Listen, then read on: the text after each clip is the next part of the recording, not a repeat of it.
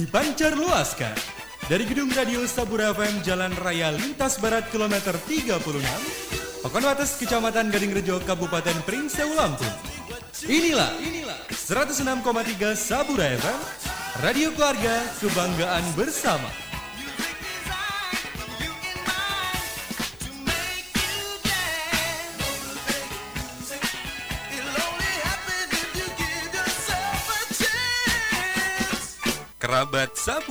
Jangan lupa dengarkan Tokso bersama Bea Cukai Bandar Lampung, Rabu 27 Mei 2020. Dengan narasumber Jun Sui Siahaan, Kepala Subseksi Penyuluhan Kantor Bea Cukai Bandar Lampung, dan Yayat Ruhiat, Kepala Subseksi Layanan Informasi Kantor Bea Cukai Bandar Lampung, dengan materi PMK nomor 199 tahun 2019 tentang impor barang kiriman dan PMK nomor 34 tahun 2020 tentang pemberian fasilitas atas impor barang untuk keperluan penanganan COVID-19. Hanya di 106,3 FM Radio Saburai Pringseu Lampung, radio keluarga.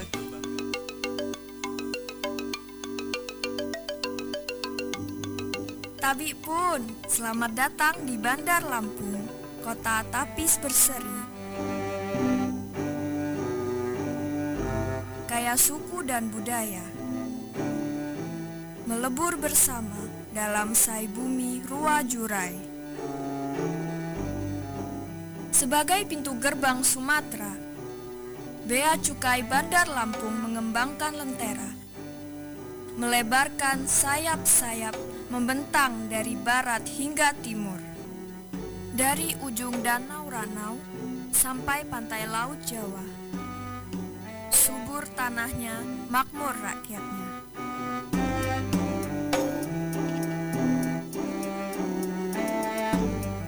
Kantor Pengawasan dan Pelayanan Tipe Madya Pabean B Bandar Lampung atau yang biasa disebut Kantor Bea Cukai Bandar Lampung berlokasi di Jalan Yos Sudarso, Pelabuhan Panjang, Bandar Lampung. Bea Cukai Bandar Lampung memiliki daerah pengawasan yang begitu luas, meliputi seluruh kabupaten yang ada di Provinsi Lampung. Bea Cukai Bandar Lampung juga melakukan pengawasan dan pelayanan di beberapa tempat lainnya, yaitu di Bandara Internasional Rading Inten 2 dan kantor pos lalu Bea. Selain itu, Bea Cukai Bandar Lampung juga mengawasi banyak tempat penimbunan berikat, di antaranya 17 kawasan berikat, dua pusat logistik berikat, dan satu gudang berikat.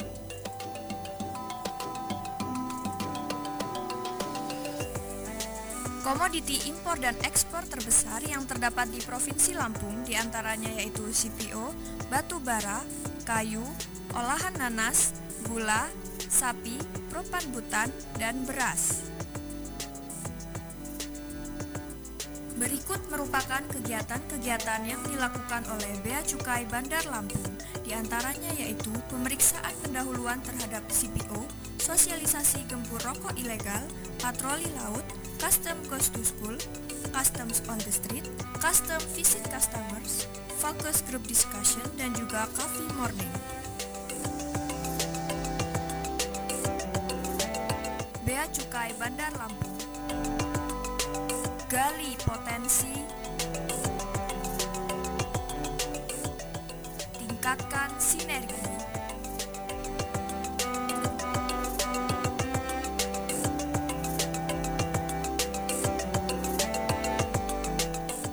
Lakukan pengawasan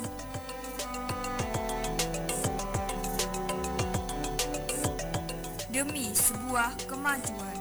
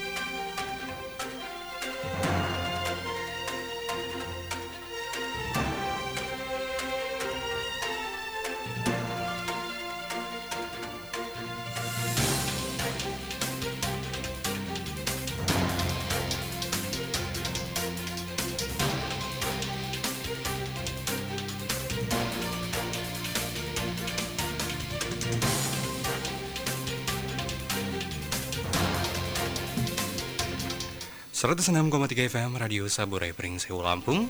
Radio Keluarga Kebanggaan Bersama. Assalamualaikum warahmatullahi wabarakatuh. Selamat pagi kerabat Saburai di mana pun berada. Kesempatan pagi hari ini Kembali menyatu di 106,3 FM Radio Saburai Pringsewu Lampung Radio Keluarga Kebanggaan Bersama Kali ini di program Talkshow Special. Hadir bersama Eza Malvino Ardian Sampai nanti selesai program ini Menemani suasana pagi Anda. Masih dalam suasana Hari Raya Idul Fitri 1441 Hijriah. Ya dan pagi hari ini kita sudah kedatangan dua narasumber spesial. Bakal menemani kita semuanya membahas tentunya tentang satu tema yang sangat bermanfaat sekali buat kita semuanya dan hari ini kita kedatangan tamu dan narasumber dari Bea Cukai Bandar Lampung atau BC Bandar Lampung. Selamat pagi, Bapak. Selamat pagi Mas Eja. Iya, apa kabarnya di kesempatan pagi hari ini? Ya, kabar baik. Baik ya, sebelumnya selamat Idul Fitri. Nah, selamat Idul Fitri. Sama-sama mohon maaf lahir batin ya. Iya. Alhamdulillah semuanya sehat, semuanya udah kembali fitri dan siap menemani kerabat Saburai pagi hari ini ya. Siap. Oke, dan ya pasti nanti kerabat Saburai bisa ya, menyatu bersama kami tentunya sampai selesai program ini untuk talkshow bersama dari Bea Cukai Bandar Lampung dan kita juga bakal berkenalan langsung bersama dua narasumber kita yang sangat tampan ya dua-duanya. Nggak kelihatan Mas. Nggak kelihatan benar.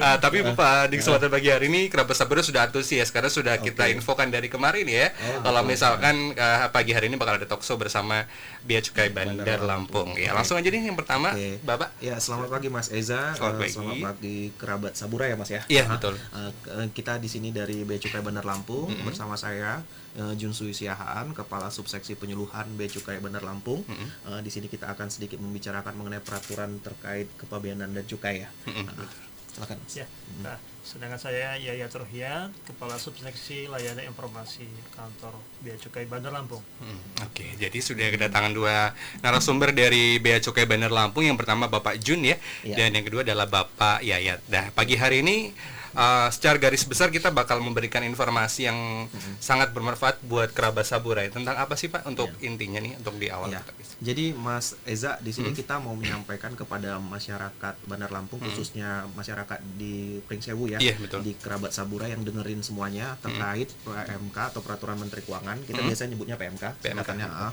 eh, terkait ketentuan kepabeanan dan cukai dan pajak atas impor barang kiriman Hmm. yaitu PMK 199 tahun 2019. Ini baru banget Mas. Oke. Dan satu lagi ada PMK yang juga baru terkait eh, barang kiriman juga masih, tapi dia khusus karena ini untuk keperluan penanganan pandemi eh, coronavirus disease 2019 atau COVID-19 yaitu PMK 34 tahun 2020. Hmm, Oke, betul.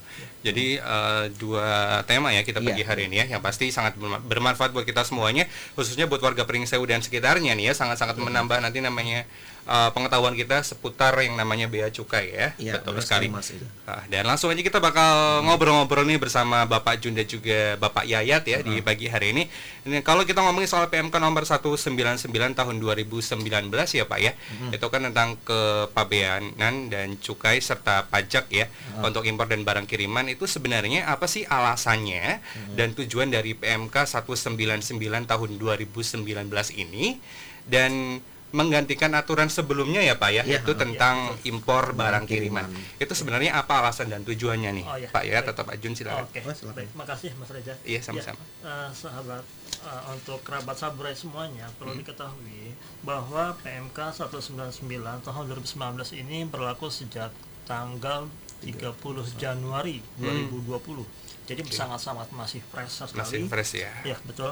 Dan alasan dan atau tujuan penerbitan PMK tersebut Hmm. atau itu terjadi dari beberapa hal. Pertama, menciptakan perlakuan perpajakan yang adil dan melindungi IKM. Hmm. Yang kedua, meningkatnya jumlah barang kiriman impor e-commerce yang dari tahun ke tahun itu mengalami peningkatan. Hmm. Betul. Bahkan di tahun 2019 itu melebihi perkiraan kami. Oh, luar Sangat biasa luar biasa Betul. gitu dan yang ketiga itu menciptakan le- level playing field dan Mm-hmm. yang terakhir itu masukkan pengrajin dan produsen eh, pro- produsen dalam negeri Mm-hmm. karena bagaimanapun juga kita perlu melindungi Iya.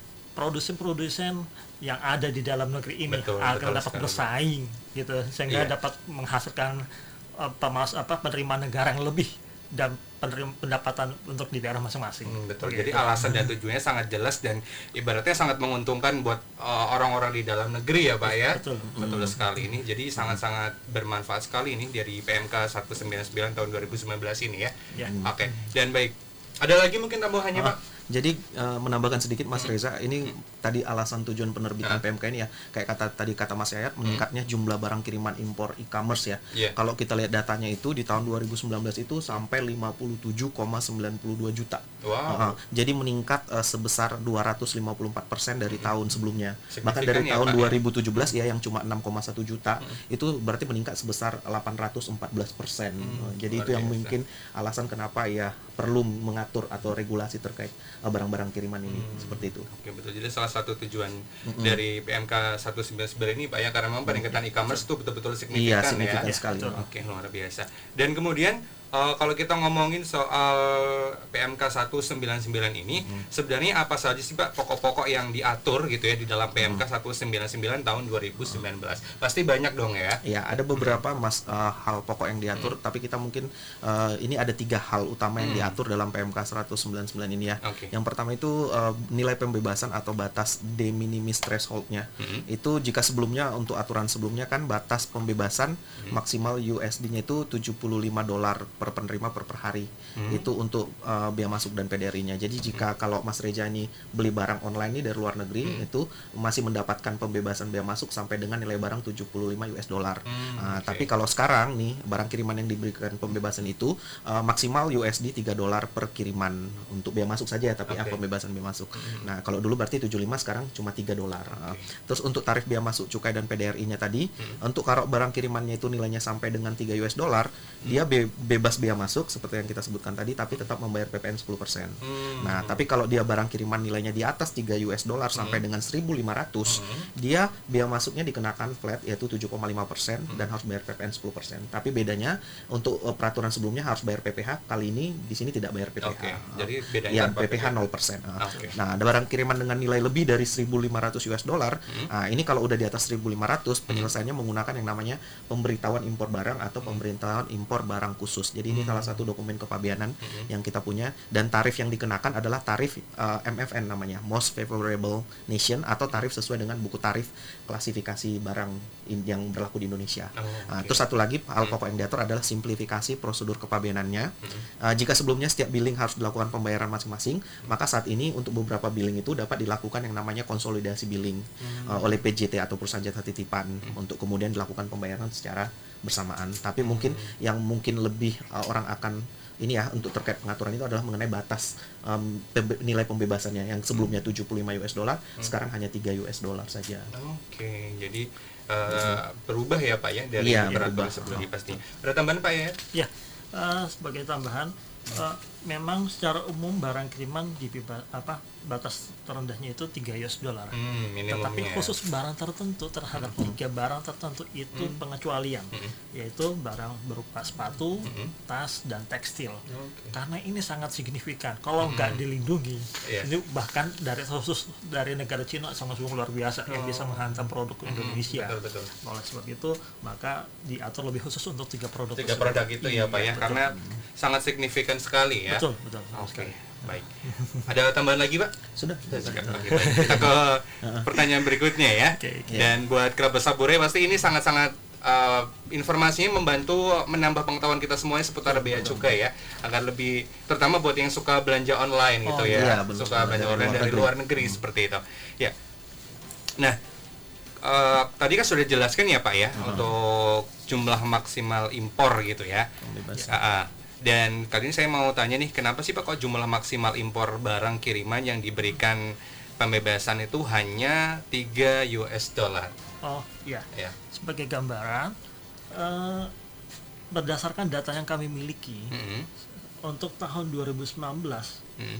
untuk eh, declare atau eh, pernyataan dari si pengirim barang maupun penerima barang itu atau angka yang udah di- paling banyak ditetapkan atau banyak dideklar itu di angka 3,8 US dollar per barang kiriman sehingga uh, berdasarkan hal tersebut mak- oleh sebab itu uh, analisa kami menetapkan untuk batas untuk pembebasannya sebesar 3 US dollar. Oh, seperti itu. Jadi memang ada alasan tersendiri ya, Iya, Pak ya, betul. kenapa harus 3 US dollar Ya. seperti itu. Baik. Ada tambahan dari Pak Jun? Mungkin sama Mas. Eh, seperti itu. Eh, kenapa kita mengenakan tarif eh, pembebasan itu sampai dengan 3 US dollar? Ya tadi mungkin seperti yang dijelaskan oleh Pak Yayat.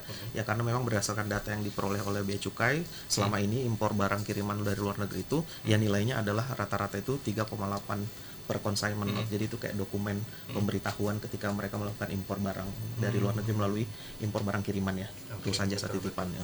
Nah, jadi kerabat sabar udah nggak perlu heran lagi ya. Kenapa kok harus uh, 3 US dollar gitu Ya, tadi karena betul. alasannya sudah sangat-sangat detail sekali dijelaskan sama Pak Jun sama Pak Yayat ya. Oke, Ya. baik. Uh, sementara ini kalau untuk alasannya apa sih Pak alasan pengenaan tarif khusus untuk produk tekstil, sepatu dan juga tas tadi yang sudah disebutkan sama Pak Yayat itu untuk alasan ya. lebih detailnya kenapa nih Pak? Ya, eh, perlu kami sampaikan kerabat saburai semuanya impor barang kiriman terhadap produk-produk tersebut terhadap yaitu produk tekstil, sepatu maupun tas Hmm. 63% dari total importasi barang kiriman secara keseluruhan. Jadi data Ah. yang kami peroleh Hmm. dari 100%, 63% itu tiga produk tersebut. Hmm, Gitu. betul betul. Terus yang kedua, oleh karena banyaknya uh, tiga produk tersebut yang masuk ke Indonesia, maka diperlukannya untuk menghindari pergerakan impor via barang kiriman karena tarif tunggal jauh lebih rendah dari tarif MFN sebagaimana tadi disebutkan oleh Pak Jun. Betul Gitu. betul. Mungkin itu ya alasan utamanya. Hmm, Gitu, ya. Oke. Ada tambahan Pak Jun? udah Oke. Baik.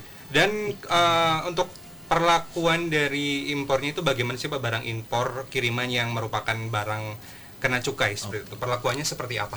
Eh, jadi begini Mas Eza, jadi kalau kita ngomong mengenai barang impor atau barang kiriman yang Hmm, diimpor dari luar negeri, ada salah satunya itu adalah barang kena cukai. Barang Hmm. kena cukai itu apa sih?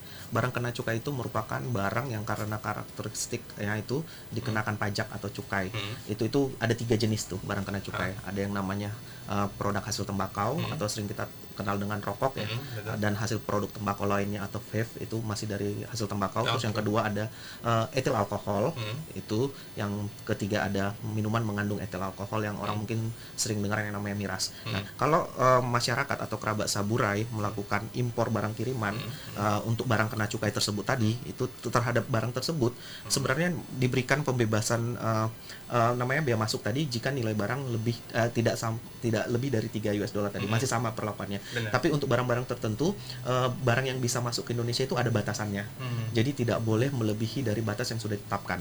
Nah, untuk sigaret atau rokok dia maksimal itu 40 batang. Terus untuk cerutu itu 5 batang, terus tembakau iri, tembak tis atau eh, tis itu 40 gram, terus minuman mengandung etil alkohol 350 ml dan hasil tembakau lainnya itu da- kalau dalam bentuk batang 20, kapsul 5, cair 30 ml cartridge-nya 4 dan bentuk lainnya 50 gram atau 50 ml. Nah, jadi kalau dia diimpor masuk ke Indonesia melebihi dari batas yang sudah ditetapkan, dia akan langsung dimusnahkan di tempat oleh petugas bea cukai. Oh, oke. Nah, dan yang dibebaskan hanya cukainya eh, tetapi jika nilainya lebih dari 3 US dollar, tadi kan cukainya itu bebas kalau dia masuk masih di bawah batas yang ditetapkan. Tapi kalau harganya udah lebih dari US 3 dolar eh U- 3 US dollar tadi, ya dia tetap bayar yang namanya ketentuan perpajakan bea masuk dan PPN tadi. Oh, oke. Baik. Ya, Ada tambahan mungkin- dari Pak ya? ya, mungkin menambahkan dari pernyataannya Pak Hmm. Jun ya. Ya, kita saya hanya mencontohkan. Iya. Gitu. Misalnya uh, Mas Reza Hmm. menerima barang berupa sigaret, Iya. gitu kan. Oke, katakan harga sigaret produk A, Hmm. gitu. Harga di pasarannya itu melebihi 10 US dollar, 10 dolar dolar lah, kalau gampang lah, gitu oke. kan. Oke, pembebasannya 3 US dollar, gitu. Nah, dikarenakan yang penting jumlahnya sama 40. Kalau misalnya kedapatannya 50, maka kelebihannya 10 itu itu harus dimusnahkan Oh, itu baik. satu kalau untuk mengenai cukai Mm-mm. nah terus bagaimana pembayarannya nah Mm. kalau pembayarannya jika lebih dari 3 US dollar maka kelebihannya itu yang akan dihitung semuanya Hmm. gitu. jadi dia ada dua pengenaan pertama dia harus melihat dulu jenis dan jumlah barangnya apa Ah. Yang kedua mengenai pengenaan pajaknya beda lagi Hmm. mungkin itu menambahkan dari Ya, pernyataan jadi sesuai dengan jenis barangnya ya Pak ya. Iya, Oke, betul. baik. Kerabat Saburnya juga Pak Juan dan Pak Ayat ini kita bakal kembali lagi ya Ya, di sesi yang kedua kita rehatan sejenak kita nikmati yang mau lewat berikut ini kerabat Sabure jangan ke mana-mana terus setia monitor 106,3 FM Radio Sabure Pringsewu Lampung Radio Keluarga Kebanggaan Bersama masih di program Talkshow Spesial bersama Bea Cukai Bandar Lampung Apa? Aturan barang kiriman berubah. Terus, gimana nasib paketku? Gimana nasib skincareku? Tidak! Hey sis, gak perlu khawatir dengan barang kiriman kamu. Mulai 30 Januari 2020, setiap barang kiriman yang nilainya di atas 3 US dollar akan dikenakan bea masuk dan pajak dalam rangka impor. Namun demikian, Bea Cukai juga telah melakukan rasionalisasi tarif Jumlah tarif bea masuk dan pajak dalam rangka impor dari yang sebelumnya berkisar antara 27,5% sampai dengan 37,5% kini menjadi hanya 17,5%. Untuk mendukung pengembangan ilmu pengetahuan dan meningkatkan literasi nasional, khusus untuk buku, tarif bea masuknya sebesar 0%. Kemudian untuk melindungi daya saing produk dalam negeri, barang kiriman dengan tarif khusus yaitu tas, tarif bea masuknya adalah 15 sampai 20% sepatu 25-30% dan produk tekstil 15-25%. Perubahan aturan ini diharapkan dapat memberikan perlakuan perpajakan yang adil serta mendorong masyarakat untuk lebih menggunakan produk dalam negeri. Jadi, sepanjang memenuhi kewajiban pabean, gak perlu khawatir dengan barang kirimanmu.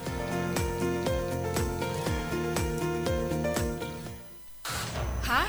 20 juta? Harus transfer 20 juta biar barang kiriman gue bisa diambil. Masa pajaknya gede banget sih? Waspadalah bila ada yang meminta kamu untuk transfer sejumlah uang ke rekening pribadi tertentu yang mengatasnamakan pungutan negara di bidang impor seperti biaya masuk, cukai, dan pajak impor. Biaya Cukai tidak menghubungi wajib bayar melalui telepon untuk menginformasikan jumlah biaya masuk dan pajak impor yang harus diselesaikan. Pembayarannya pun tidak dilakukan melalui nomor rekening pribadi, melainkan melalui Bank Devisa Persepsi atau kantor pos persepsi khusus untuk barang kiriman melalui perusahaan jasa titipan dan melalui loket kantor pos khusus untuk barang kiriman melalui pos atau EMS. Pembayaran dilakukan menggunakan SSPCP atau Surat Setoran Pabean Cukai dan Pajak dalam rangka impor yang dilampiri dengan pemberitahuan pabean impor. Bila ada pihak yang menginformasikan bahwa terdapat barang kirimannya ditahan atau ditegah oleh bea cukai, maka informasi tersebut harus dapat dibuktikan dengan surat bukti penindakan. Validitas surat tersebut bisa dikonfirmasikan ke kantor pabean terkait. Untuk informasi lebih lanjut, klik beacukai.go.id atau hubungi kontak center Bravo Bea Cukai 1500 225.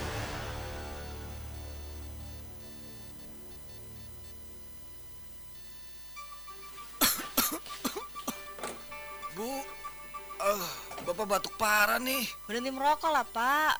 Akhir-akhir ini jadi tambah sering ngerokok tuh kelihatannya. Aduh, iya nih, Bu. Kemarin tergoda beli rokok murah. Harganya murah banget loh, Bu. Separuh lebih murah harganya. Katanya sih, rokok ini nggak dilekati pita cukai, sehingga bisa jual murah. Ah, kan lumayan, Bu. Wah, hati-hati loh, Pak. Jangan hanya karena harga murah aja. Tuh, Bapak jadi batu-batu gitu. Kan ibu juga yang repot kalau bapak sakit. Dan rokok yang bapak beli itu, setahu ibu namanya rokok ilegal. Rokok ilegal itu sangat merugikan negara, Pak. Karena rokok ilegal itu tidak bayar cukai. Padahal kan kita tahu kalau salah satu penerimaan negara itu salah satunya dari cukai dari rokok. Rokok yang tidak dilekati pita cukai, dilekati pita cukai yang bukan haknya, pita cukai yang tidak sesuai golongan, pita cukai bekas, atau produksi rokok tanpa izin adalah rokok ilegal. Bila Anda mengetahui produksi dan peredaran rokok ilegal, segera laporkan ke kantor Bea Cukai terdekat. Info lebih lanjut, hubungi kontak Center Bravo Bea Cukai di 1500 225.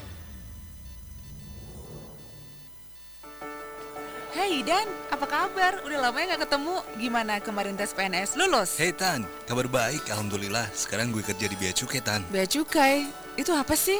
Bea Cukai itu adalah salah satu instansi di bawah Kementerian Keuangan yang mempunyai misi memfasilitasi perdagangan dan industri, melindungi perbatasan dan masyarakat Indonesia dari penyelundupan dan perdagangan ilegal, dan mengoptimalkan penerimaan negara di sektor kepabeanan internasional, Tan. Wah, melindungi masyarakat Indonesia dari penyelundupan dan perdagangan ilegal. Kayak di film-film aja.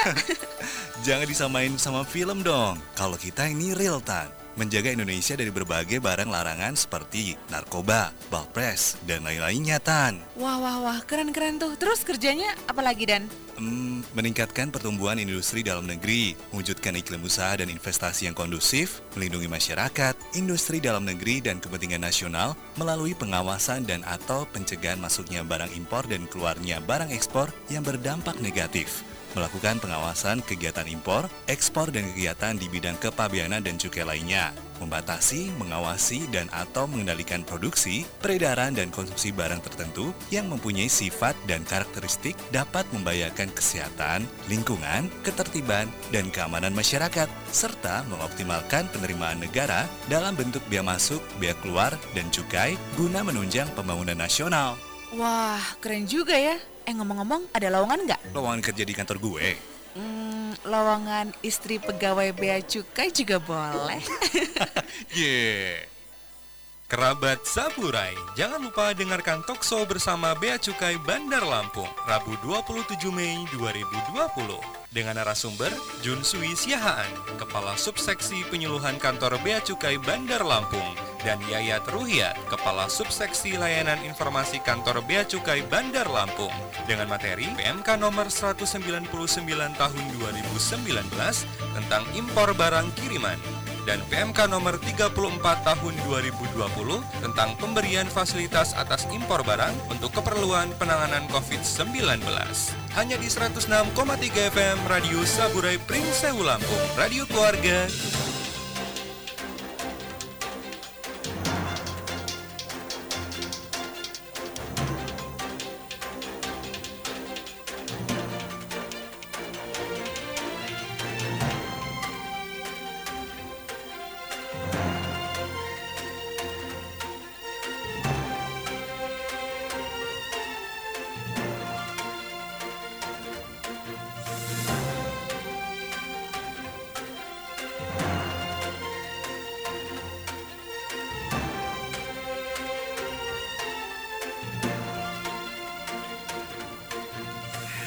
Langsung dipancarluaskan dari gedung Radio Sabur FM Pringsewu Lampung.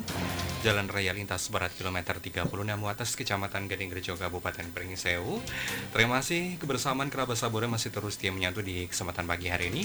Masih di program Talkshow Special bersama BC Bandar Lampung ya. Cukai Bandar Lampung masih bersama dua narasumber kita Ada Pak Jun dan juga ada Bapak Yayat ya. Dan terima kasih buat kebersamaan kerabat Sabure masih terus setia monitor sampai saat ini. Dan kita masih akan terus ngobrol-ngobrol bersama teman-teman dari Bea Cukai Bandar Lampung ya.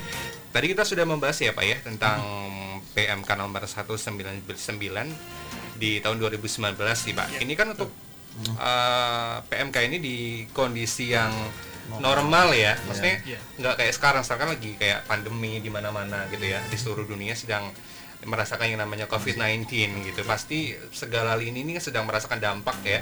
Dampak dari COVID-19.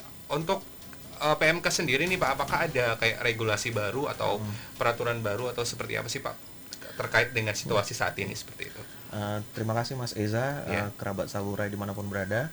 Uh, di sini memang uh, PMK 199 tahun 2019 ini eh, 2019 ini uh, berlaku normal ya. Bahkan uh, saat pandemi pun sebenarnya masih tetap berlaku. Mm. Cuma mungkin pemerintah itu memang ada regulasi baru yang mem- mungkin memang mempertimbangkan kondisi saat ini yaitu PMK nomor 34 tahun 2020. Jadi PMK nomor 34 tahun 2020 ini itu adalah tentang pemberian fasilitas kepabeanan dan atau cukai serta perpajakan atas impor barang untuk keperluan penanganan pandemi coronavirus disease 2019 atau COVID-19. Nah, jadi memang ada regulasi baru khusus ya Mas, khusus memang Khusus. untuk penanganan ya uh, pandemi coronavirus ini. Jadi selama pandemi aja digunakan Iya, ya Pak ya. uh-uh. Oke, baik. Dan kalau kita ngomongin soal PMK yang baru ini ya Pak, PMK 34 tahun 2020 itu tentang pemberian fasilitas kepabeanan dan atau cukai serta perpajakan atas impor barang untuk keperluan penanganan pandemi virus ya. eh, COVID-19 ya. Ya. Itu sebenarnya seperti apa sih Pak? Mungkin bisa dijelaskan lebih detail gitu ya tentang PMK 34 tahun 2020 ini. Biar kerabat sabarnya juga tahu kan saat ini memang sedang pandemi juga. Ya. Nah, mohon izin Mas Reza. Iya, silakan, Pak. Eh, pemerintah dalam hal ini sangat konsen ya untuk untuk menyikapi eh, kejadian yang ada di Indonesia. Hmm. Oleh sebab itu uh, terlepas dari peraturan barang kiriman PMK 199 yang secara normal mungkin masih bisa diterapkan ada regulasi tambahan. Iya. Nah, regulasi tambahan itu seperti apa? Nah, itu PMK 34 tahun 2020 yang berisi tentang kebijakan pemberian fasilitas kepabeanan Mm-mm. dan atau cukai serta perpajakan atas impor barang untuk keperluan penanganan pandemi COVID-19. Nah, sebelumnya sebelumnya telah ada penerbitan fasilitas fiskal yaitu PMK 70 tahun 2008 2012 dan PMK 171 tahun 2019. Namun terhadap peraturan tersebut uh, masih belum mampu menyelesaikan permasalahan di lapangan. Oleh sebab itu, maka diterbitkanlah peraturan yang terbaru yaitu PMK 34 tahun 2020. Mungkin itu Mas alasannya. itu alasan mendasarnya ya Pak ya diadakannya PMK 34 tahun 2020 ada tambahan dari Pak Jun mungkin Ya, mungkin benar Mas eh, seperti itu. Dan jadi seperti judulnya fasilitas ya. Namanya juga fasilitas kepabeanan. Jadi ada beberapa fasilitas perpajakan yang diberikan atas impor barang untuk keperluan penanganan COVID-19 berdasarkan PMK 34 ini. Nah, jadi fasilitas eh, fiskal yang diberikan itu yaitu fasilitas pembebasan bea masuk dan atau cukai. Terus ada fasilitas tidak dipungut pajak pertambahan nilai atau pajak pertambahan nilai dan pajak penjualan atas barang mewah. Terus yang ketiga itu ada fasilitas dibebaskan dari pemungutan pajak penghasilan pasal 22. Jadi dan pemberian fasilitas ini Mas perlu diketahui ini untuk barang komersial ataupun non komersial. Hmm, jadi untuk yang komersial dan Iya. tidak komersial oke. Ada tambahan Pak ya Mungkin itu secara umum. itu aja oke baik. Jadi ini ada beberapa fasilitas ya Pak yang memang mendapat perlakuan khusus seperti itu di masa pandemi ini gitu. Oke. ini untuk masyarakat sendiri sebenarnya uh, keuntungan yang bisa didapatkan apa sih Pak dari fasilitas dan juga uh, yang diterapkan ini Ya. Hmm. dan kebijakan yang diterapkan dari PMK 2020 ini Oh ya, baik. Ya, pertama, fasilitas ini untuk semua kalangan, yaitu baik dari orang maupun badan. Mm-mm. Ya, jadi kenapa diberikan fasilitas? Satu, biar menangani uh, pandemi COVID ini secara serempak gitu. Uh, umumnya bukan hanya badan, uh, bahkan individu orang pribadi pun tergerak untuk melakukan uh, membantu pemerintah dalam hal ini untuk menangani pandemi COVID-19 ini. Nah, terhadap hal tersebut ada beberapa fasilitas ya, ya yaitu berupa 73 jenis barang yang diberikan fasilitas ya, ter- terhadap peraturan tersebut. Antara lain yaitu produk seperti hand sanitizer atau produk yang mengandung disinfektor, test kit dari genre laboratorium, virus transfer media, obat dan vitamin, peralatan medis dan alat pelindung diri. Nah, Untuk lebih detailnya memang harus melihat lampiran PMK 34 Iya. tahun 2020 tersebut. Iya, karena banyak juga ya Pak ada 73 jenis barang ya Betul. yang mendapat fasilitas di PMK 2020 ini. Oke, baik. Dan bagaimana sih Pak untuk mendapatkan fasilitas tersebut gitu kan? Mungkin masyarakat masih bingung apalagi saat-saat sekarang kan, maksudnya beberapa akses juga susah kan untuk Iya, untuk dilaksanakan atau diakses seperti itu. Eh, jadi Mas Eza kalau memang eh, badan atau tadi individu seperti kata Mas Yayat itu pengen mendapatkan eh, fasilitas kepabeanan atau cukai ini, eh, jadi kita bisa mengajukan permohonan. Eh, pertama permohonannya bisa diajukan secara tertulis atau secara manual ya, langsung ke kepala kantor bea cukai eh, setempat atau tempat pemasukan barang. Atau karena memang ini kondisinya lagi covid-covid nih ya, Iya, bisa juga diajukan secara online nih, Hmm. eh, secara elektronik melalui portal Indonesia National Single Window atau INSW. Eh, dia bisa melalui uh, portal www atau www.insw.go.id. Nanti jika permohonannya dianggap layak dan disetujui, nanti kepala kantor Bea Cukai setempat itu akan memberikan uh, surat keputusan persetujuan pemberian fasilitas atas nama Menteri Keuangan. Tapi jika ditolak pun nanti akan ada surat pemberitahuan penolakan dan disebutkan alasan penolakannya. Oke, berarti sudah sangat dipermudah ya Pak ya, apalagi Iya, saat sekarang nih kita kan eh, jarang bisa ke sana kemari gitu kan karena memang social distancing dan lain sebagainya. Ini bisa diakses langsung melalui portal www.insw.go.id INSW. gitu. Jadi itu sudah lengkap semuanya ya Pak ya untuk bagaimana cara kita mendapatkan fasilitas dan kebijakan-kebijakan dari Iya. PMK tahun 2020 ini. Ada tambahan mungkin? Ya, nah, lalu begini, bagaimana pengajuan cara online-nya? Mm-mm. Paling pertanyaan itu kan. Iya, betul. Gimana sih saya bisa mendapatkan fasilitas tersebut. Nah, pertama baik badan maupun per- individu da- pertama harus masuk dulu terlebih dahulu ke portal INSW Mm-mm. yaitu ketik da- uh, www.insw.go.id Mm-mm. kemudian uh, pilih menu pilihannya aplikasi INSW lalu su- pilih klik submenu perizinan tanggap darurat nah dari situ langsung pilih menu pengajuan rekomendasi BNPB Hmm. lalu setelah klik tersebut malah akan, akan muncul form pengajuan rekomendasi nah di bagian awal ini nih Mhm. nah itu ada pilihan jenisnya permohonan rekomendasi Hmm. Nah, kemudian pilih permohonan pembebasan biaya masuk dan atau cukai serta PDRI ke Direktorat Jenderal Bea dan Cukai. Oke. Setelah pengisian tersebut, langsung di-download dan dapat mengunduh user manual pada user manual tersebut. Mungkin itu, Oke. biar gampang ya. Jadi segala sesuatunya sudah lengkap semuanya di website tersebut ya Pak ya? Iya, Oke, jadi tinggal diakses aja.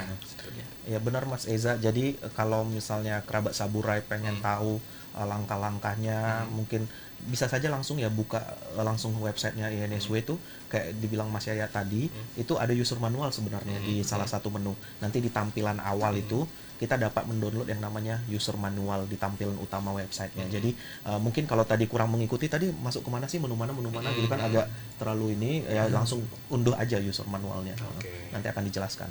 Oke, jadi bisa dipermudah ya Pak ya? Iya. Oke, baik. Dan kalau kita mau menggunakan fasilitas dan juga kebijakan tersebut pasti harus dibutuhkan beberapa dokumen gitu ya. Hmm. Apa sih dokumen-dokumen yang kita persiapkan, harus persiapkan dan yang diperlukan untuk pengajuan permohonan tersebut? Uh, jadi Mas Eza untuk dokumen-dokumen yang harus disiapkan oleh uh, masyarakat atau badan atau kerabat-kerabat saburai di mana pun berada, Hmm. jika memang ingin ya apa namanya um, mem- apa namanya mendapatkan fasilitas tadi, Hmm. dia itu ada yang pertama itu identitas pemohon, Hmm. terus ada fotokopi nomor pokok wajib pajak atau NPWP, Hmm. Ada juga rincian jumlah dan jenis barang yang dimintakan fasilitas serta perkiraan nilai pabennya, serta uraian mengenai tujuan penggunaan barang yang dimintakan fasilitas. Tapi Mas Eja ini ada pengecualian nih Mas Eja. Ah. Jadi uh, kalau kita kirim barang tadi yang salah satu 73 jenis tadi ya Hmm. uh, melalui online barang kiriman atau melalui barang bawaan penumpang. Jadi kita keluar negeri nih, Hmm. terus bawa barang dari antara 73 jenis itu, jika nilainya tidak melebihi 500 US dollar Hmm. atau FOB 500 USD, itu kita tidak perlu mengajukan permohonan ini untuk Oh, mendapatkan pembebasan. Akan oke. otomatis langsung diberikan pembebasan dia masuk. Hmm. Jadi ini u- apa permohonan ini hanya untuk barang yang di atas dari 500 US dollar. Heeh. Jadi kalau misalkan barang lebih kita- gampang lagi ya karena Betul. kalau ini kan di atas 500 aja kalau di bawah 500 sih dia udah otomatis sudah uh, tidak perlu dibebaskan Uh, itu pengajuan ya, pengajuan Uh, itu ya. Oke, Uh-uh. jadi sangat-sangat memang dipermudah apalagi saat-saat seperti ini gitu ya, Pak ya. Jadi kita harus apa ya? Berterima kasih nih Mm-mm, eh, kepada pemerintah pemerintah pastinya yang sudah memberikan fasilitas ini tentunya. Oke, dan ini pasti kita masih bakal ngobrol banyak lagi ya, Pak ya, masih Ya. seputar PMK tentunya bersama rekan- rekan-rekan dari Bea Cukai Bandar Lampung atau BC Bandar Lampung masih bersama Pak Jun dan juga Pak Yayat. Masih semangat ya Pak ya buat Masih, masih. menginformasikan info ini buat para Ya. kerabat saburai. Iya mudah-mudahan kerabat saburai juga masih semangat ya dengan Oh kita. pastinya dong, setia monitor kita di kesempatan pagi hari ini. Jangan ke mana-mana kerabat saburai kita akan segera kembali. Pastikan pilihan anda terus menyatu di 106,3 FM Radio Saburai Pringsewu Lampung, radio keluarga kebanggaan bersama. Masih di program Talkshow Special bersama Bea Cukai Bandar Lampung. Untuk edisi hari ini Rabu 27 Mei 2020. Hei Dan, apa kabar? Udah lama ya nggak ketemu. Gimana kemarin tes PNS? Lulus? Hey Tan, kabar baik Alhamdulillah Sekarang gue kerja di Bea Cukai Tan Bea Cukai, itu apa sih? Bea Cukai itu adalah salah satu instansi di bawah Kementerian Keuangan yang mempunyai misi memfasilitasi perdagangan dan industri, melindungi perbatasan dan masyarakat Indonesia dari penyelundupan dan perdagangan ilegal, dan mengoptimalkan penerimaan negara di sektor kepabeanan internasional Tan. Wah, melindungi masyarakat Indonesia dari penyelundupan dan perdagangan ilegal. Kayak di film-film aja. Jangan disamain sama film dong. Kalau kita ini real tan. Menjaga Indonesia dari berbagai barang larangan seperti narkoba, balpres, dan lain-lainnya tan. wah, wah, wah, keren-keren tuh. Terus kerjanya apa lagi Dan? Hmm, meningkatkan pertumbuhan industri dalam negeri, mewujudkan iklim usaha dan investasi yang kondusif, melindungi masyarakat, industri dalam negeri dan kepentingan nasional melalui pengawasan dan atau pencegahan masuknya barang impor dan keluarnya barang ekspor yang berdampak negatif. Melakukan pengawasan kegiatan impor, ekspor dan kegiatan di bidang kepabeanan dan cukai lainnya, membatasi, mengawasi dan atau mengendalikan produksi, peredaran dan konsumsi barang tertentu yang mempunyai sifat dan karakteristik dapat membahayakan kesehatan, lingkungan, ketertiban dan keamanan masyarakat serta mengoptimalkan penerimaan negara dalam bentuk biaya masuk, biaya keluar dan cukai guna menunjang pembangunan nasional. Wah, keren juga ya. Eh ngomong-ngomong, ada lowongan nggak? Lowongan kerja di kantor gue. Hmm, lowongan istri pegawai bea cukai juga boleh. Yeah.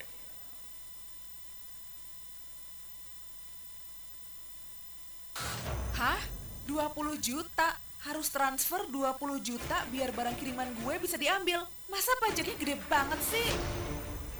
Waspadalah bila ada yang meminta kamu untuk transfer sejumlah uang ke rekening pribadi tertentu yang mengatasnamakan pungutan negara di bidang impor seperti biaya masuk, cukai, dan pajak impor.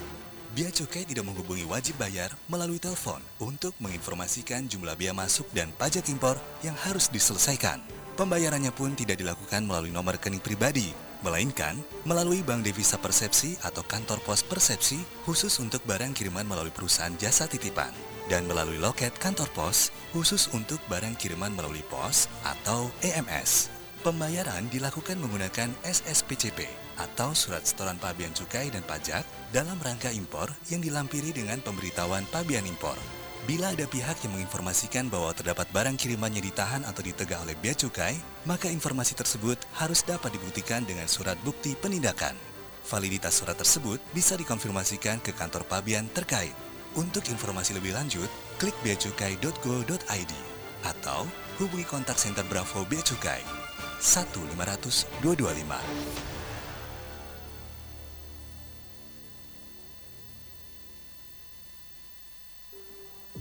Apa? Aturan barang kiriman berubah. Terus, gimana nasib paketku? Gimana nasib skincareku? Tidak! Hey sis, gak perlu khawatir dengan barang kiriman kamu. Mulai 30 Januari 2020, setiap barang kiriman yang nilainya di atas 3 US dollar akan dikenakan bea masuk dan pajak dalam rangka impor. Namun demikian, Bea Cukai juga telah melakukan rasionalisasi tarif. Jumlah tarif bea masuk dan pajak dalam rangka impor dari yang sebelumnya berkisar antara 27,5% sampai dengan 37,5% kini menjadi hanya 17,5%. Untuk mendukung pengembangan ilmu pengetahuan dan meningkatkan literasi nasional, khusus untuk buku, tarif bea masuknya sebesar 0%. Kemudian untuk melindungi daya saing produk dalam negeri, barang kiriman dengan tarif khusus yaitu tas, tarif bea masuknya adalah 15 sampai 20%, sepatu 25 sampai 30% dan produk tekstil 15 sampai 25%. Perubahan aturan ini diharapkan dapat memberikan perlakuan perpajakan yang adil serta mendorong masyarakat untuk lebih menggunakan produk dalam negeri. Jadi, sepanjang memenuhi kewajiban pabean, gak perlu khawatir dengan barang kirimanmu.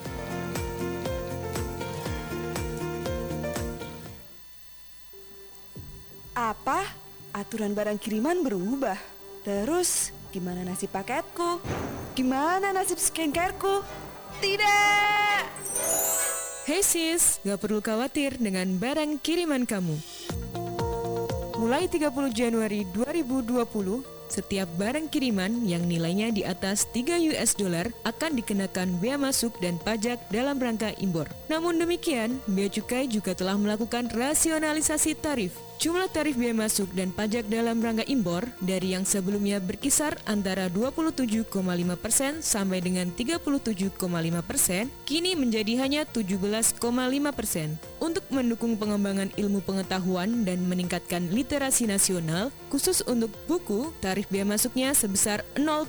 Kemudian untuk melindungi daya saing produk dalam negeri, barang kiriman dengan tarif khusus yaitu tas, tarif bea masuknya adalah 15 sampai 20%, sepatu 25 sampai 30% dan produk tekstil 15 sampai 25%. Perubahan aturan ini diharapkan dapat memberikan perlakuan perpajakan yang adil serta mendorong masyarakat untuk lebih menggunakan produk dalam negeri. Jadi, sepanjang memenuhi kewajiban pabean, gak perlu khawatir dengan barang kirimanmu.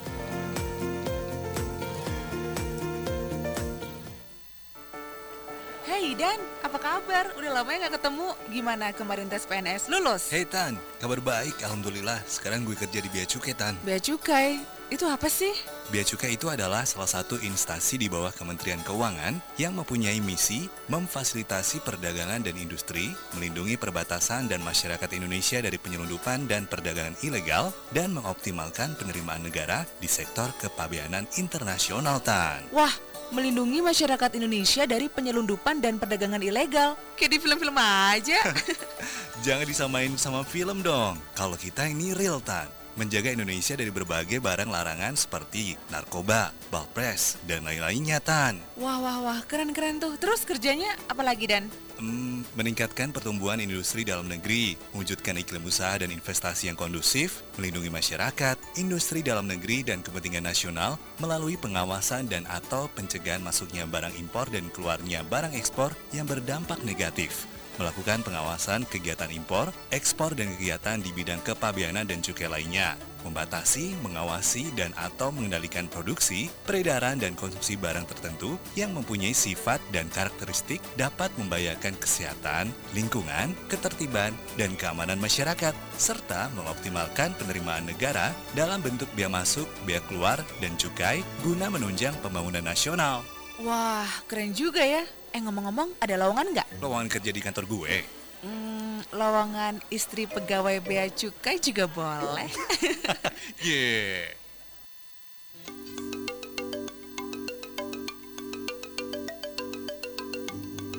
Tabi pun, selamat datang di Bandar Lampung, kota tapis berseri.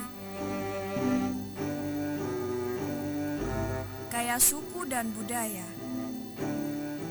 Melebur bersama dalam say bumi Rua Jurai. Sebagai pintu gerbang Sumatera, Bea Cukai Bandar Lampung mengembangkan lentera melebarkan sayap-sayap membentang dari barat hingga timur.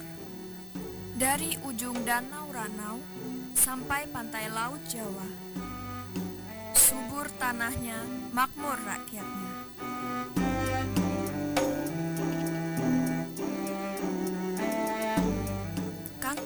Pengawasan dan Pelayanan Tipe Madya Pabean B Bandar Lampung atau yang biasa disebut Kantor Bea Cukai Bandar Lampung berlokasi di Jalan Yosudarso, Pelabuhan Panjang, Bandar Lampung. Bea Cukai Bandar Lampung memiliki daerah pengawasan yang begitu luas, meliputi seluruh kabupaten yang ada di Provinsi Lampung. Bea Cukai Bandar Lampung juga melakukan pengawasan dan pelayanan di beberapa tempat lainnya, yaitu di Bandara Internasional Rading Inten 2 dan kantor pos lalu Bea. Selain itu, Bea Cukai Bandar Lampung juga mengawasi banyak tempat penimbunan berikat, di antaranya 17 kawasan berikat, dua pusat logistik berikat, dan satu gudang berikat.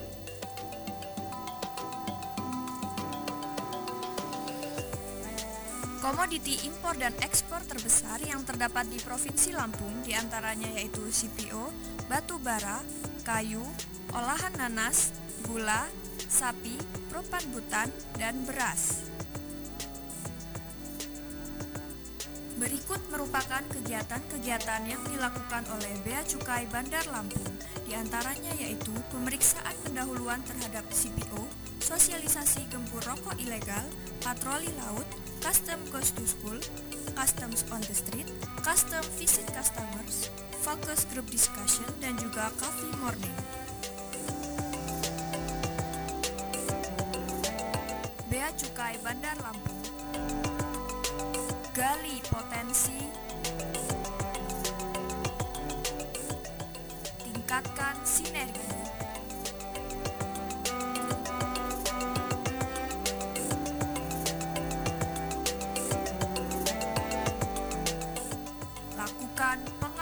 pengawasan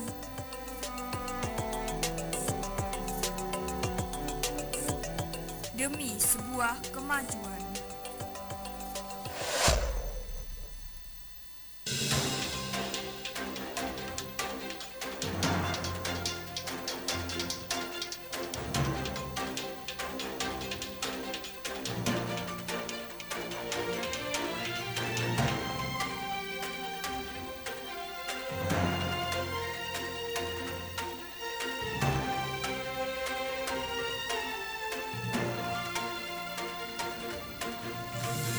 Baik kerabat Sabure di mana pun berada kesempatan pagi menjelang siang ya udah udah siang sih udah jam 11 ya. Terima kasih kebersamaannya di suasana yang cukup redup tapi kita semua di sini masih cerah ceria ya Pak ya. Cerah ceria, Mas. Iya, membagi informasi yang sangat ya bermanfaat buat kita semuanya. Ya dan buat kerabat Sabure yang lagi dengerin kita nih di program Talkshow bersama BC Bandar Lampung, Bea Cukai Bandar Lampung, bisa ikutan berpartisipasi juga ya di line SMS-nya Radio Saburai di 0822 8272 8684. Kita tunggu sampai selesai nih program kita masih ada beberapa menit ke depan ya. Kita masih Ya. bakal ngobrol-ngobrol bersama.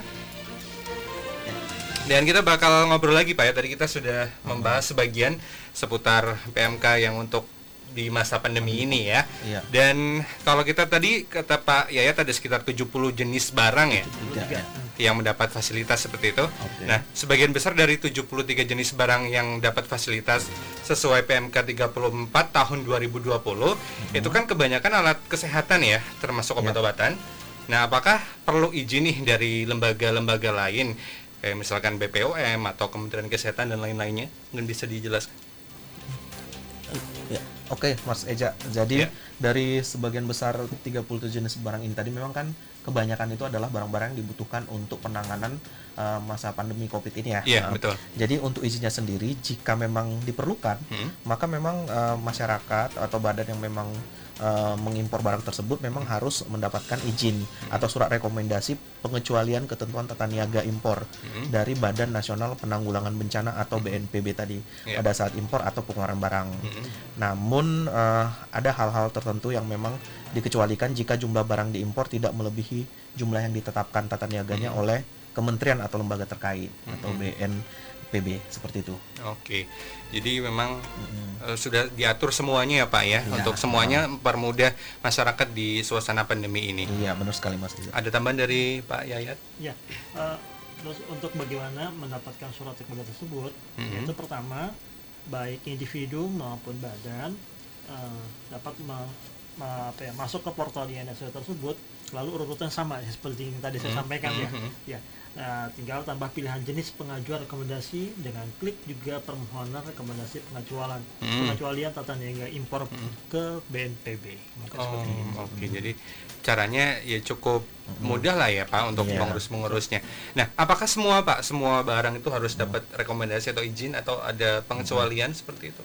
Eh, jadi Mas Eza, jadi intinya itu ya tadi kan kita bilang dari 73 jenis barang itu Mhm. eh, kalau dia memang harus ada izin tata niaga impor maka untuk pengecualian ketentuan tata niaga impornya dia bikin surat rekomendasi. Hmm. Tapi tadi kan kita bilang juga ada beberapa barang yang jika jumlah yang diimpor tidak melebihi jumlah yang ditetapkan tata Mhm. niaganya oleh kementerian atau Oke. lembaga terkait atau BNPB tadi, dia bisa dibebaskan dari perizinan atau izin ketentuan niaganya. Ada Hmm. berapa aja? Kalau berdasarkan surat dari gugus tugas ya, itu ada 14 jenis barang Hmm. dengan batasan jumlah tertentu yang dia tidak perlu mengajukan surat rekomendasi izin tata niaga tadi. Oke. Ah, jadi 14 jenis barang itu Hmm. apa saja?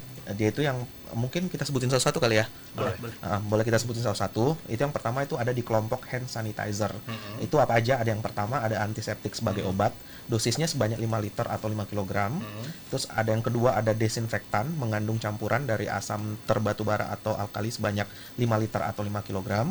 Terus yang ketiga ada desinfektan dalam kemasan aerosol sebanyak 5 liter atau 5 kg. Yang keempat ada desinfektan lainnya sebanyak 5 liter atau 5 kg. Itu untuk kelompok hand sanitizer. Terus yang kedua ada kelompok zat desinfektan. Itu untuk nomor 5 itu ada barang atau bahan untuk membuat produk desinfektan sebanyak 5 liter atau 5 kg. Terus yang ke berikutnya ada kelompok produk mengandung desinfektan atau siap pakai. Yaitu nomor 6 ada preparat pembersih kulit, cair atau krim disipakan disiapkan untuk penjualan eceran sebanyak 5 pieces. Oke. Terus uh, ada kelompok rapid test di nomor 7 ada plat, lembaran, Mhm. film, foil dan strip diresapi atau dilapisi regen diagnosa sebanyak 50 pieces. Kedelapan ada kertas karton, gumpalan selulosa, jaringan dari serat selulosa, diresapi atau dilapisi regen diagnosa sebanyak 50 pieces. Ada kelompok PCR test nih Mas Reza juga. Nomor 9, regen untuk analisis PCR sebanyak 50 pieces. Dan ada kelompok virus transfer media yaitu nomor 10 media kultur olahan untuk pengembangan mikroorganisme untuk swab test sebanyak 500 pieces. Ada kelompok Dacron swab nomor 11 itu swab lainnya sebanyak 100 pieces. Ada kelompok masker juga nih. Nomor 12 masker bedah dari bahan tekstil sebanyak 500 pieces atau 10 box.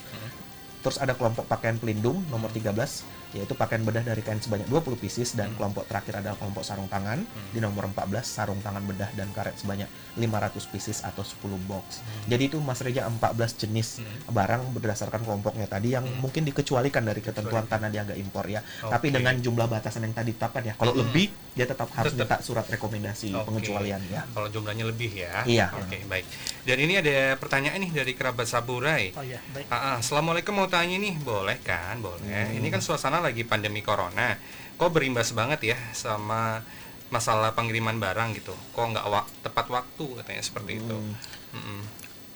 Oh, jadi begini Mas Reza. Jadi Ah. kalau dari kita ya, kalau untuk masalah um, waktu pengiriman uh, itu mungkin lebih ke perusahaan jasa titipan atau pos. Hmm. ya. Uh, kalau dari Bea Cukai sendiri, selama barangnya memang udah masuk nih, terus kan Hmm. nanti kan diperiksa sama Bea Cukai nih. Hmm. Nah, pemeriksaannya itu sebenarnya yang buka, yang uh, mengeluarkan barang itu perusahaan, uh, perusahaan jasa titipan atau posnya. Hmm. Nah, selagi dia memang sudah memenuhi ketentuan, nah, pembayaran uh, pajaknya juga sudah dilaksanakan atau kewajiban perpajakannya, Hmm. maka uh, barang itu akan dikirimkan uh, akan diurus lagi oleh petugas jasa titipan atau pos untuk dikirimkan ke penerima barangnya. Jadi di bea cukai itu sebenarnya cuma uh, melihat apa namanya uh, barangnya apakah memang sesuai ketentuan atau barangnya memang sudah ada tadi kalau dia punya izin- harus ada izin-izin yang sudah ada izinnya terus kewajiban perpajakan sudah dibayar jadi uh, udah boleh di ini di uh, dikembalikan ke pos untuk dikirim ke pe- Hmm, uh, jadi penerima. Kok, Uh. jadi kok soal pengiriman udah urusan Iya, lain ya? uh, kalau misalnya keterlambatan mungkin ya uh, mungkin bisa dikonfirmasi ke perusahaan jasa titipannya. Mm-mm. Kecuali memang dia ada kewajiban perpajakan yang memang harus dibayar. Nanti itu juga akan dihubungi sama pihak posnya. Oh, Jadi oke, bukan baik. sama bea cukai. Mm-mm. Oke, baik. Ini ada ada tambahan lagi, Pak? Ya, mungkin sebagai informasi, eh, sebagaimana disampaikan oleh Pak Jun tadi, ya, contoh misalnya ada kiriman barang atas Hmm. nama Mas Reza Hmm. di CEO ini, Hmm. gitu. Jadi begitu tiba di Indonesia, itu pertama kali datang ke Bandara Soekarno Hatta, Mm-mm. ke Bandara Soekarno Hatta, lalu dikirim ke Lampung. Mm-mm. Nah, proses pengiriman ini itu bukan tanggung jawab dari Bea Cukai. Hmm. Tanggung jawab Bea Cukai begitu diserahkan oleh pihak pos Hmm. untuk diperiksa Hmm. secara selektif, entah itu dia dokumen atau periksa fisik. Mm-mm. Nah, barulah di situ tanggung jawab bea cukai. Mm-mm. Nah, sebagaimana sebagaimana tadi disampaikan tadi, Mm. jika ada kewajiban yang harus dipenuhi oleh penerima Mm-mm. dalam hal uh, baik perpajakannya atau ketentuan larasan pembatasannya, maka pihak pos atau PJT ini yang akan menghubungi penerima. Hmm. Nah, setelah itu, setelah dia selesai, maka pengiriman itu tanggung jawab bukan dari bea cukai, Mm-mm. tetapi dari pihak pos atau PJT. Oke. Gitu. Jadi bea cukai hanya bagian tengah-tengahnya nih. Sebatas gitu. memeriksa ya, Pak. Betul, gitu. Karena Baik. melindungi uh, yang ada di Indonesia ini. Iya, Jangan sampai semua barang yang, yang tiba dari luar negeri itu lewat begitu Iya, saja. gitu. betul, betul. Mungkin itu ya, sebagai gambaran. Karena orang taunya kenapa sih kok barang saya lambat Iya, ya? benar. Cukai ini kayaknya. Umumnya seperti itu. Iya biasanya. benar-benar oke. Jadi ini sangat menambah pengetahuan. Jadi Bisa. Betul. biar lebih tentunya berpikir positif lagi ya terhadap Iya. bea cukai itu tidak semuanya di bea cukai mengurus seperti Iya, itu ya. betul, betul. Ada batas-batasan tersendiri Iya, seperti itu. ada instansi lain yang Ah, menangani yang- hal itu gitu. Betul, yang memang tempatnya buat menangani hal itu. Iya, betul. Baik, ini ada pertanyaan lagi. Assalamualaikum, mau tanya. Aku sering online, nyampe nya nggak tepat waktu. sama ya, sama. Seperti Ya tadi itu ya. udah jelasin ya. Oke. Tapi mungkin Mas Reza harus Hah? diperjelas lagi ya untuk Iya. ke- apa online yang dimaksud di sini adalah kalau berurusan sama bea cukai itu adalah online yang dari luar negeri ya, dari bukan luar yang negeri. dari Hmm. uh, dalam negeri gitu. Jadi mungkin kalau beli dari Tokopedia dari Jakarta, Surabaya, itu nggak ada urusannya sama bea cukai. ya. Mungkin tapi kalau mau beli kons apa namanya kayak CD-CD-nya Blackpink atau Ah, BTS yang dari luar negeri ya baru, baru mungkin ya. Oke, baik, baik. Ini lagi. Selamat pagi, Bang Reza. Saya sering belanja online shop. Bagaimana nih cara mengurus persyaratannya ketika barang tidak sampai tepat waktu? Pakai ribet nggak ya katanya? Lagi. Mungkin sebenarnya pertanyaannya hampir hampir Sama, sama, ya hampir sama ya. sih ya, intinya. Jadi mungkin memang kalau misalnya barangnya memang belum tepat ah, belum sampai tepat waktu, mungkin eh, yang masyarakat ya bisa langsung menghubungi Hmm. eh, apa namanya? eh, peju- petugas jasa titipannya, perusahaan jasa titipannya. Hmm. Jadi dia dikirim melalui apa? Kalau kita kan biasanya kayak kita ngirim melalui JNE, kita Hmm. tracking melalui eh, tracking JNE. Tapi mungkin di Bea Cukai juga mungkin kita perlu sampaikan ya Mas, ada tracking barang kiriman sebenarnya. Hmm. Mungkin eh, masyarakat bisa track barang kirimannya udah sampai mana. Kalau memang prosesnya udah di BC nanti akan kelihatan Ya, betul. di www. .beacukai.co.id garis miring barang kiriman. Nah, dengan memasukkan nomor uh, resinya gitu kan atau namanya kalau kalau dia di luar negeri namanya consignment note-nya gitu disertai dengan kode kodenya sendiri. Dan setelah itu masukkan lalu akan ketahuan Mm-mm. gitu secara detail. Detail tiba ya. di Indonesia kapan yang ditangani oleh bea cukainya gimana ditangani uh, oleh BJT atau pihak pos seperti apa Hmm, Gitu, oke.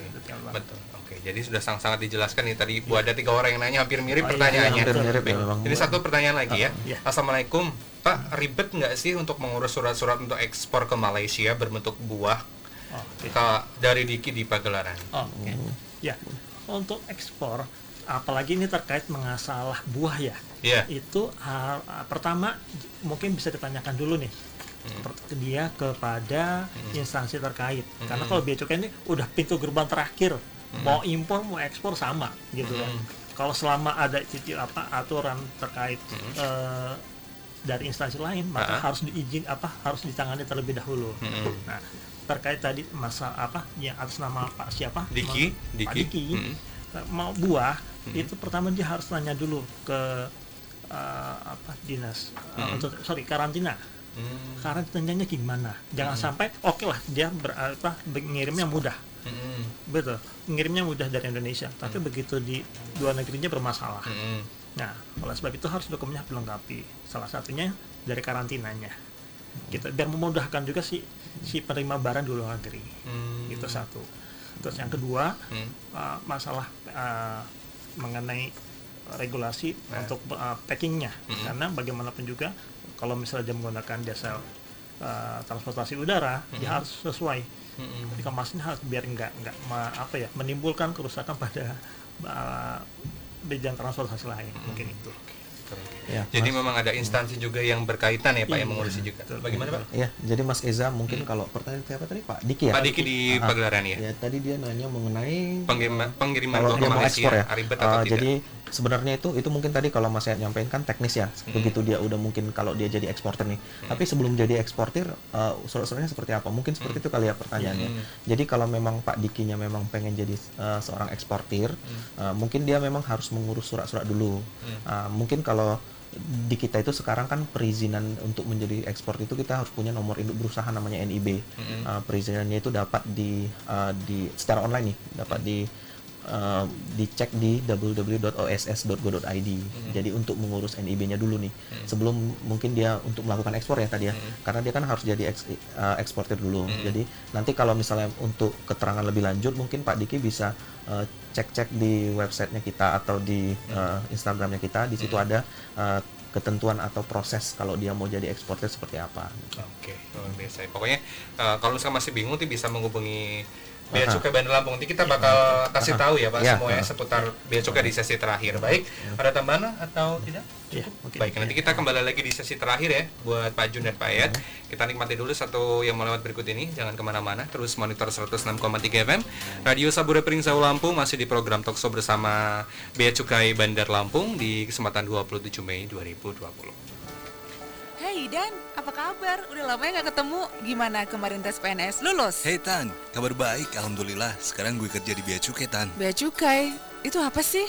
Bea Cukai itu adalah salah satu instansi di bawah Kementerian Keuangan yang mempunyai misi memfasilitasi perdagangan dan industri, melindungi perbatasan dan masyarakat Indonesia dari penyelundupan dan perdagangan ilegal, dan mengoptimalkan penerimaan negara di sektor kepabeanan internasional Tan. Wah, melindungi masyarakat Indonesia dari penyelundupan dan perdagangan ilegal. Kayak di film-film aja.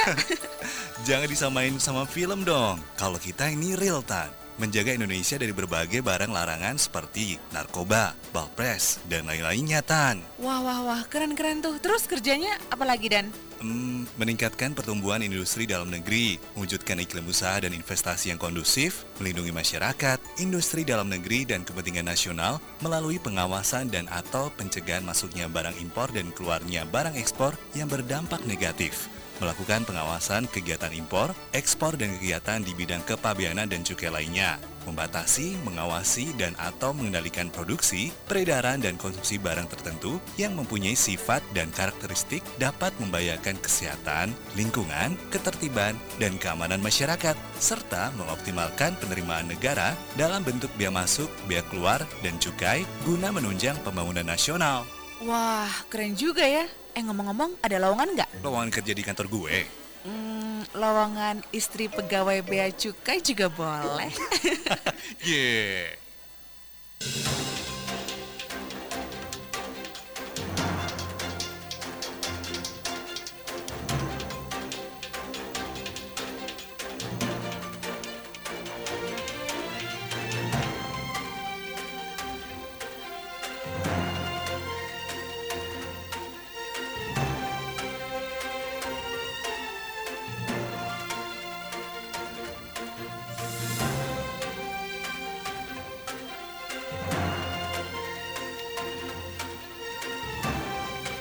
Baik kerabat Saburai kembali lagi masih di 106,3 FM Radio Saburai Pringsewu Lampung Radio Keluarga Kebanggaan Bersama.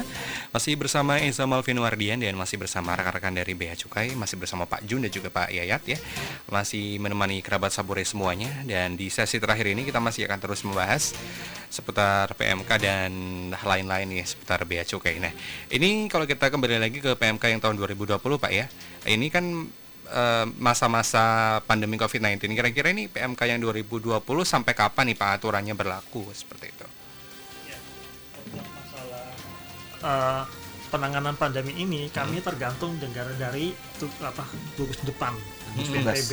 Jadi Hmm. kapan berakhirnya itu tergantung mereka. Hmm. Gitu. Kalau sementara ini sampai tanggal 29 Mei, jika Hmm. bisa diperpanjang maka peraturan tersebut masih akan tetap berlaku. Hmm. Mungkin seperti itu. Jadi sesuai instruksi dari instansi-instansi terkait seputar yang menangani COVID-19 ini ya, Pak ya? Betul, betul, betul. Bagaimana untuk selanjutnya? Oke. Ya. Ada tambahan lagi? Ya, intinya itu mas berakhirnya masa pandang- penanganan pandemi COVID ini Hmm. berdasarkan peraturan yang ditetapkan oleh Badan Nasional Penanggulangan Bencana Hmm. atau BNPB. Hmm. Itu untuk yang PMK 34. Tapi kalau untuk yang PMK 199 tahun Hah? 2019 ini, Hmm. ya ini akan berlaku sampai dengan peraturannya dicabut atau tidak Oke. berlaku lagi ya, atau diganti dengan peraturan baru mungkin ya. Berarti selama belum dicabut masih Iya, berlaku ah, untuk yang sampai 199, kapan? nah. Oke, betul. Baik, dan kalau kita ngomongin ini Pak, kan sekarang banyak nih penipuan atau modus-modus ya seputar ya kayak pengiriman barang dan lain-lain ataupun isinya pun kadang-kadang nggak sesuai ya sama apa yang dipesan. Seperti bagaimana sih, Pak, eh, tanggapan dari Bea Cukai atau bagaimana untuk mengenangani hal tersebut seperti itu? Ya, jadi Mas Eza memang beberapa bulan terakhir ini atau beberapa sebenarnya sih udah dari dulu ya beberapa eh, tahun terakhir memang banyak sekali modus-modus penipuan yang terjadi yang mengatasnamakan bea cukai. Hmm. Jadi ada beberapa modus penipuan yang sering terjadi. Kalau kita tahu itu ada misalnya dihubungi seolah-olah dari petugas bea cukai Iya. tapi menggunakan nomor pribadi. Betul. Ada yang diminta pungutan, pungutan-pungutan tidak wajar. Hmm. Ada juga yang dia itu minta eh, ditransfer ke rekening pribadi. Hmm. Terus ada juga yang disertai ancaman, ada Iya. ancaman dibilang e, kamu nanti dikurung atau dipenjara. Mm. Terus ada juga yang ditawarkan barang lelang dari Mm. situs tidak resmi. Itu banyak sekali terjadi saat Mm, ini. mm, Jadi bagaimana langkah-langkah eh, yang kita lakukan kalau kita eh, apa namanya mendapatkan modus-modus penipuan Mm, seperti itu tadi ya? mm. Ada beberapa langkah yang dapat kita lakukan sebagai antisipasi untuk menghindari penipuan tersebut. Mm. Yang pertama, eh, kalau kita itu terima informasi nih, barang kita katanya ditahan bea cukai, Mm.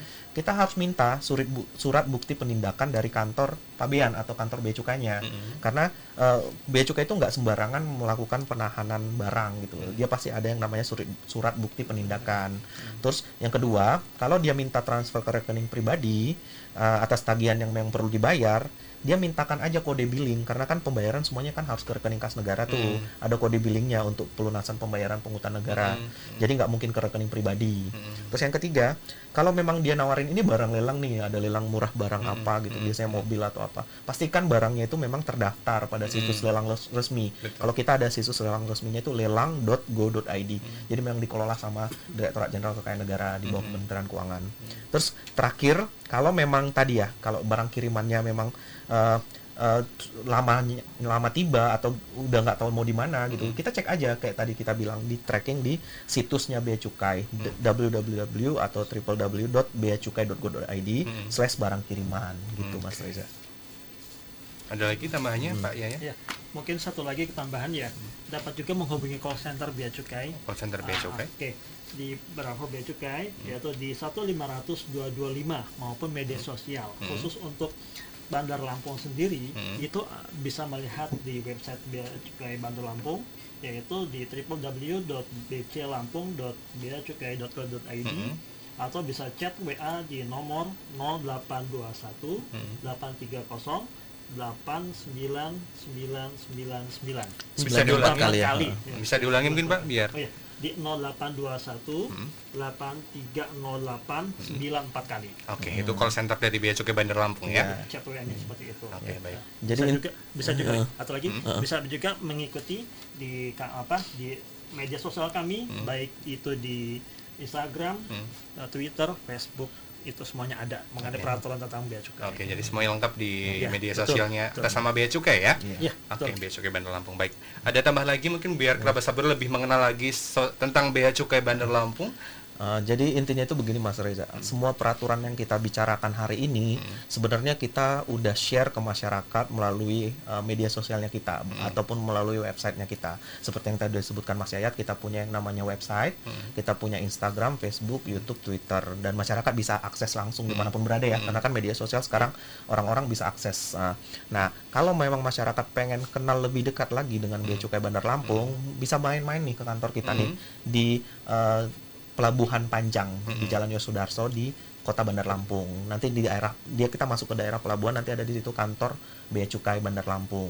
Kita bisa nanya-nanya langsung ke sana. Tapi mungkin uh, uh, kebetulan uh, selama masa pandemi uh, Covid ini mu- memang kita tidak melayani konsultasi tatap muka ya. Jadi mungkin masih melalui. Tapi nanti mungkin kalau pandeminya sudah berakhir bisa main-main untuk nanya-nanya. Mungkin kayak tadi Pak apa Pak Diki yang pengen jadi eksportir gitu. Ya bisa langsung tanya-tanya ke kantor kita. Heeh. Jadi sementara ini masih daring ya, Pak ya? Iya, untuk saat ini mungkin konsultasi layanan tatap muka mungkin kita laksanakan secara daring. Hmm. Tadi ada telepon, WhatsApp gitu. Dan tapi nanti kalau misalnya sudah diperbolehkan lagi, silahkan saja main biar mungkin mengenal lebih Iya, dekat dengan bea cukai. Betul sekali. Jadi biar nggak salah paham ya kadang-kadang Iya. Atas menganam atas nama bea cukai Ah, inilah itulah Iya, kan benar sekali, Mas jelas. Reza.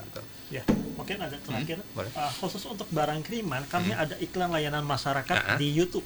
Oh di YouTube ada Itu juga. itu udah ada. Hmm. Itu sudah kami tampilkan yaitu uh, dengan judul barang kiriman. Barang kiriman. Khusus untuk barang kiriman. Hmm. Nah, karena kenapa sih mesti barang kiriman? Sebagai informasi, Hah? barang kiriman adalah ba apa banyak yang ditanyakan oleh Hmm. bukan hanya di Lampung nih, tapi se Indonesia adalah top tiga besar bea cukai. Oh. Permasalahannya sering paling sering ditanyakan. Pasti Seperti- barang kiriman ya Pak ya. pasti barang kiriman seperti hal ini hari ini kan sebagai besar nah Iya, memang soal barang kiriman betul Barang sekali. lain. Ini baru tiga, mungkin yang lain juga masih Sebenarnya hmm, ya. banyak yang bertanya-tanya juga. Mungkin kalau sejam lagi mungkin ini Mas Reza. Iya benar. Oke.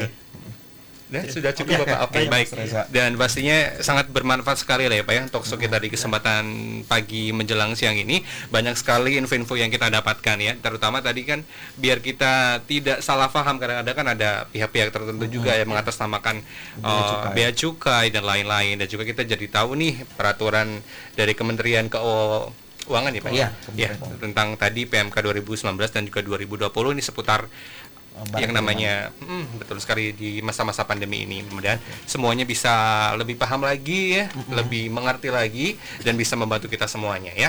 Baik mudah-mudahan kita bisa ketemu lagi pak di Baik, waktu insyaallah. yang lain ya. Amin. bisa ngobrol-ngobrol lagi kapan-kapan saya main ke kantor Bea Cukai Bandar Lampung Siap, ya. Siap, siap. ya baik terima kasih buat Pak Jun dan juga Pak Yat dari kantor Bea Cukai Bandar Lampung.